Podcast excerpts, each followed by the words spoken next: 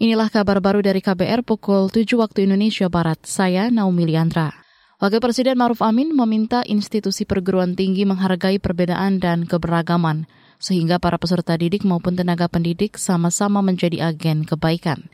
Hal itu disampaikan Wapres saat hadir secara virtual pada acara wisuda Sekolah Tinggi Agama Islam STAI Salahuddin Al-Ayubi di Jakarta Minggu 21 Januari 2024 kemarin. Hidupkan semangat toleransi, menghargai keragaman, serta menghormati perbedaan dalam bingkai persatuan dan kesatuan. Jadilah agen kebaikan, pelopor perubahan, sekaligus suri teladan bagi masyarakat. Wapres Ma'ruf juga meminta perguruan tinggi menghasilkan lulusan yang mampu memberikan kontribusi terhadap bangsa. Itu sebab menurutnya perlu komitmen kuat perguruan tinggi dalam memberikan ilmu yang aplikatif. Wapres juga mengajak para lulusan perguruan tinggi berpartisipasi aktif dan menjadi motor penggerak dalam pembangunan bangsa. Badan Pengawas Pemilu Bawaslu mengatakan laporan pelanggaran kampanye pemilu 2024 lebih tinggi dibanding masa kampanye pemilu 2019. Anggota Bawaslu RI Loli Suhenti mengatakan hal itu menunjukkan masyarakat Indonesia semakin teredukasi.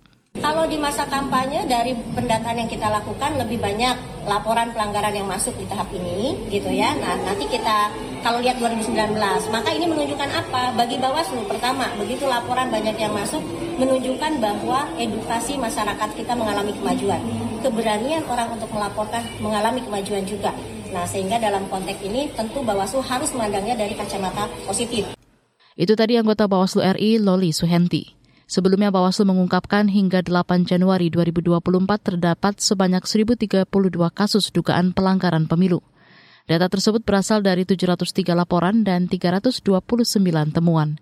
Sebanyak 322 kasus dinyatakan sebagai pelanggaran. Sebanyak 188 kasus dinyatakan bukan pelanggaran. Sisanya tidak bisa diregistrasi lantaran tidak memenuhi syarat formal ataupun material. KTT ke-19 negara-negara gerakan non-blok GNB berakhir Sabtu malam dengan mengeluarkan deklarasi Kampala. Deklarasi itu mengecam agresi militer Israel di Gaza. Negara non-blok menyerukan gencatan senjata dan implementasi resolusi Dewan Keamanan PBB terkait bantuan kemanusiaan di Gaza. Dalam KTT yang diadakan di Uganda, GNB mendesak upaya mengakhiri pendudukan Israel, termasuk pemenuhan kemerdekaan dan kedaulatan negara Palestina dengan Yerusalem Timur sebagai ibu kota. Mereka juga menegaskan dukungan pengakuan negara Palestina sebagai anggota PBB sehingga mendapatkan tempat selayaknya dalam masyarakat internasional. Demikian kabar baru dari KBR, saya Naomi Liandra.